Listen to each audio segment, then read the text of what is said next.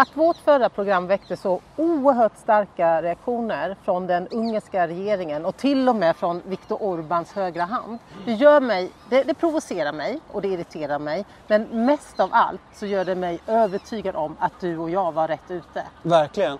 Sen kan man inte låta bli att bli ganska fascinerad också av det faktum att de sitter och följer dig och mig. Vi pratar på svenska till svenska tittare, Mm. svenska väljare.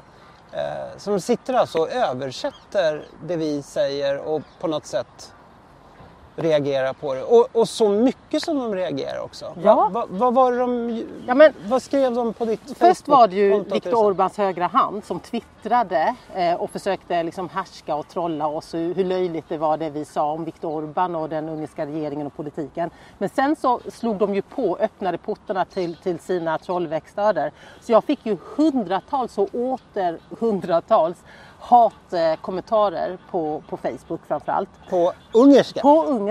Eh, och, och mycket var ju den, den, liksom, den här eh, simpla innebörden Go back to Africa.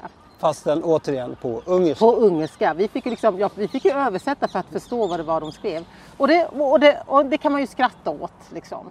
Men det som det framför allt är ett tydligt tecken på det är ju med vilken kraft de då anstränger sig för att tysta oliktänkande. Tänk om de gör detta mot dig och mig för ett program som vi sänder på Facebook, Youtube och Instagram.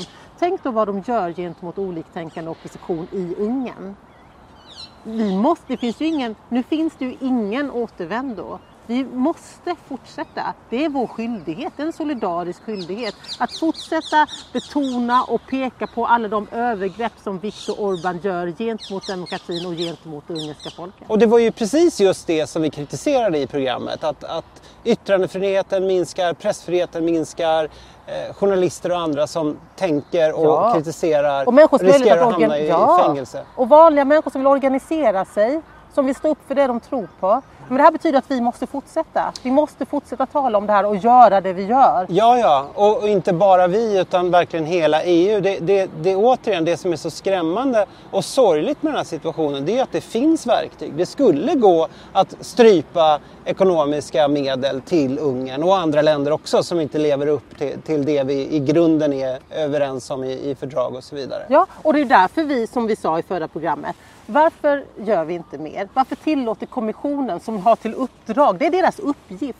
att bevaka och se till att medlemsländerna i EU lever upp till de värderingar och de grunder vi har i våra stadgar. Varför gör inte kommissionen det? De, vi gör vårt jobb, men kommissionen ska också göra sitt Ja, jobb. precis, för egentligen det riktiga, riktiga huvudansvaret just nu, tycker jag, ligger ju hos kommissionen. Ja, och det är ju ett ansvar gentemot alla människor i Ungern. Ska vi bara låta det här hända? Vi, jag får ju också mejl, inte hundratals och åter hundratals, men jag får ju också mejl från ungrare som säger Hjälp oss, varför gör ni inte mer? Varför sätter ni inte stopp för det här? Snälla, är EU inte mer värt än att ni ska låta det här falla? Ja. Hela den här tiden, den här krisen vi går igenom nu, det, det blir ju verkligen en, en riktig, riktig prövotid för hela EU-projektet.